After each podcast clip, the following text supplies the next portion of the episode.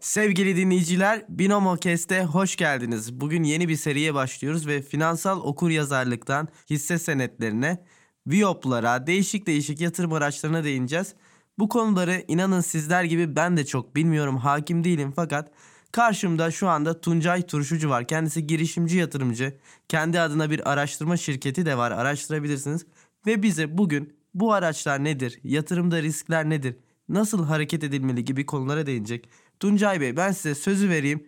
Bize kendinizi bir tanıtın. Ondan sonra bu serimize başlayalım. Evet sağ olun. Hoş bulduk her şeyden önce. Tuncay benim adım. Tuncay Turşucu. Aşağı yukarı 27 yıldır borsayla ilgileniyorum. Borsada analistim, araştırma müdürlüğü yaptım pek çok şirkette. 27 yıllık bir meslek hayatının ardından 5 ay önce artık ayrıldım. Kendi firmamı açtım. Tuncay Turşucu araştırma şeklinde ve orada serbest olarak e, sürdürüyorum hayatımı. E tabii bu süreçinde Türkiye'deki finansal e, enstrümanlarla ilgili pek çok e, yazılarımız oldu, analizlerimiz oldu ve Türkiye'de borsanın, finansal yatırımın, finansal özgürlüğün, finansal okur yazarlığı da çok yakından da izledim. Bir gelişim var ama bu gelişim ne kadar hızlı, ne kadar yavaş, nelere ihtiyacımız var bunları işte e, sohbet edeceğiz hep beraber. Sohbet edeceğiz. Gerçekten bunu çok merak ediyorum. Bütün TV kanallarında her yerde bundan bahsediyor. Haberleri açıyoruz. Her zaman altta bir dolar kuru, euro kuru, Türk lirası ne olacak? Faizler efendim düştü mü, arttı mı? Yatırım nereye doğru yapılmalı, nereye kaymalı? Ve şu kavramdan bahsediliyor. Biraz da böyle kulağa tırmalayan bir kavram gibi. Finansal okur yazarlık. Bu nedir? İnsanları finans kelimesi zaten biliyorsunuz içinde matematikte olunca bizim halkımızı korkutuyor. Nedir bu finansal okur yazarlık ama lütfen basit anlatalım. A'dan Z'ye burada anlasınlar. Evet yani doğru aslında son 3 yıldır özellikle Türkiye'de çok fazla e, dövizle ilgili çok fazla hareketler var. Faizle ilgili çok fazla hareketler var. Fiyatlarla ilgili çok fazla şey, hareketler var. Finansal okur e, yazarlık şu demek aslında. E, finans dünyasında yani sizin bir servetiniz var Bankada bir miktar liranız var, eviniz var, arabanız var. Yani sizin bir varlığınız var, mal varlığınız var. Bu mal varlığınız mevcut ekonomide eriyor mu? Büyüyor mu? Bunun farkında olabilmektir. Bunun için ne yapmam lazım? Bunu anlamaktır. Yani şudur yani yüzde yirmi faizin olduğu bir ortamda dolarda mesela yüzde yirmi yükseliş olacak diye dolar almanın aslında e, faize koymaktan çok daha riskli olduğunu anlamaktır. Bir ev aldığınız zaman o evin iki sene içerisinde bir fiyatı arttığı zaman aslında diğer ev fiyatlarının da arttığını anlamaktır. Yani o eviniz iki sene sonra fiyatı artacak. Evet belki de siz kendinizi getiri elde etmiş gibi hissedeceksiniz ama aslında evinizi sattığınız zaman yine başka bir ev almak istediğinizde aslında çok fazla bir getiri elde e, yokmuş mesela elde etmemişsiniz. Tuncay Hocam beni yakın bir tecrübemden vuruyor şu anda. Evet bunu biliyorum ama aslında şunu da demek lazım değil mi hocam? E, mal varlığı deyince işte insanların aklına 100 bin liradan başlayan seviyeler geliyor ama aslında herkesin küçük de olsa bir birikimi olmalı. Sanki anlattığınız şeyden ben şunu anlıyorum. Bir şeyden %10 kazanmak gerçekten kazanmak mıdır yoksa aslında alım gücümüzü korumak mıdır gibi bir şeyden bahsediyorsunuz galiba. Aynen öyle. Yani ne bir hareketi yaparken neyi amaçlıyorsunuz ve gerçekten bir getiri elde edecek misiniz? Bunlar çok çok bana göre önemli. Peki ben bunları anlamak istiyorum. Finansal okur yazar olmak istiyorum. Yani finansı anlamak istiyorum. Ne yapmam lazım? Çünkü ben açıkçası şimdi samimiyetle söyleyeceğim. Bir haber programı, haber kanallarını seyrederken bu bence anlaşılmıyor. Yani finans bilen biri gerçekten anlayabilir ama onun dışında böyle bir şey yok. Evet. Ne yapmam lazım? Ya tabii ki her işte olduğu gibi bir miktar emek harcayacaksınız. Yani bu şey böyle yukarıdan inmiyor böyle. Al bir gece yatacağım, uyuyacağım, ertesi sabah finansal okur yazar olarak uyanacağım. Böyle bir hayat yok. Biraz bir ilgi, alaka. Yani mesela bir miktar liranız varsa veya bir varlığınız varsa bunu bir yerlerde yatırıma kaydırmanız icap edecek. Ne gibi enstrümanlar var? Neler var? Bunlar hakkında bir bilgi sahibi olacaksınız bir kere. Yani e, borsa ise borsa hakkında bilgi sahibi olmanız lazım.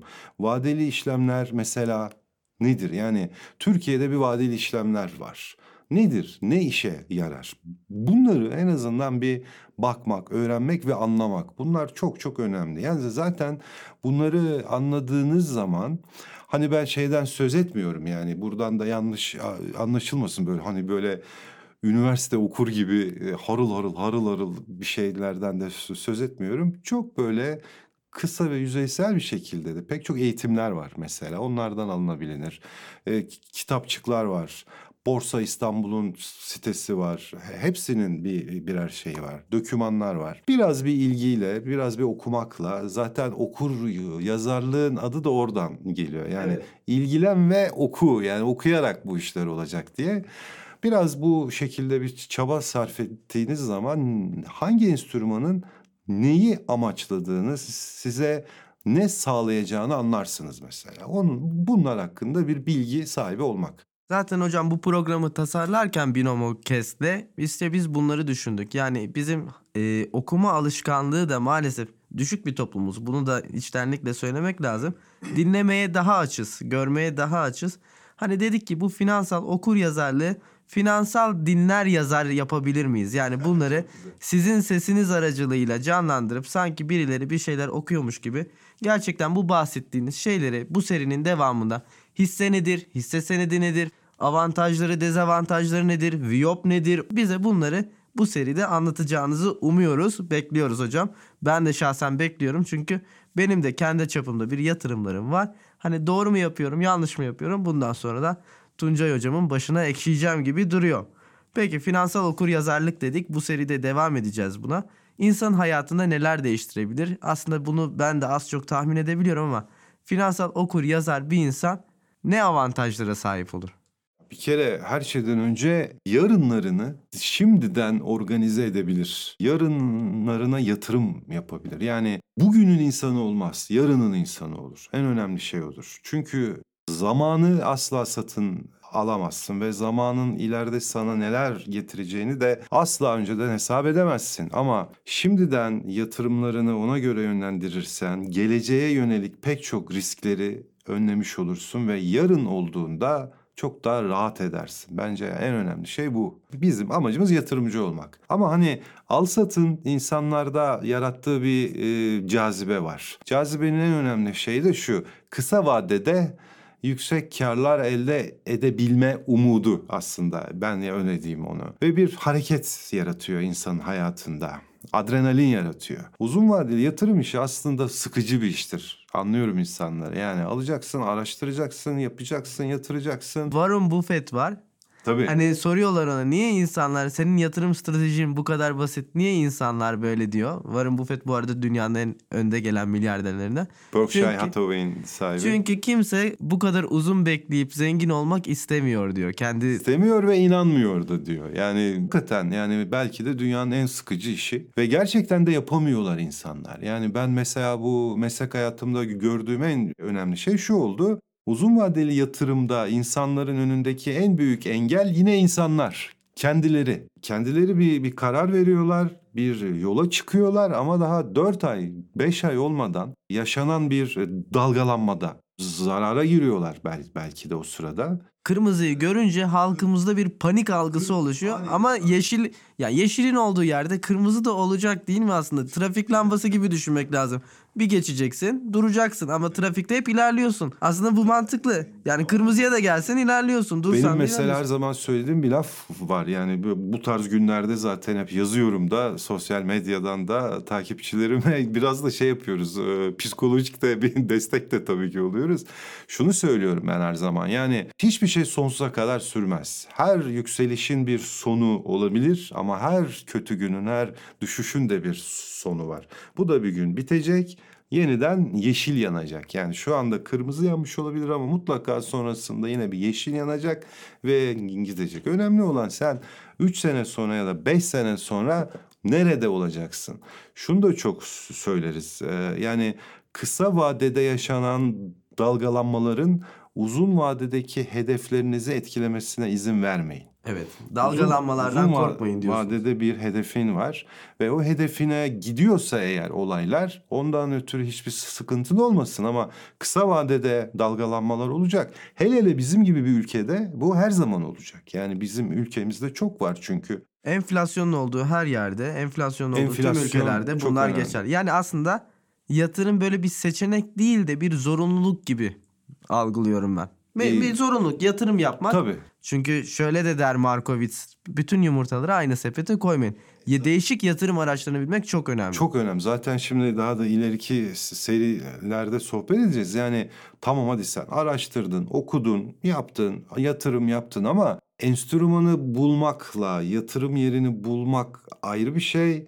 Bunları bir risklerini yaymak ayrı bir şey. Yani bunlar çok çok önemli bazı farklılıklar var.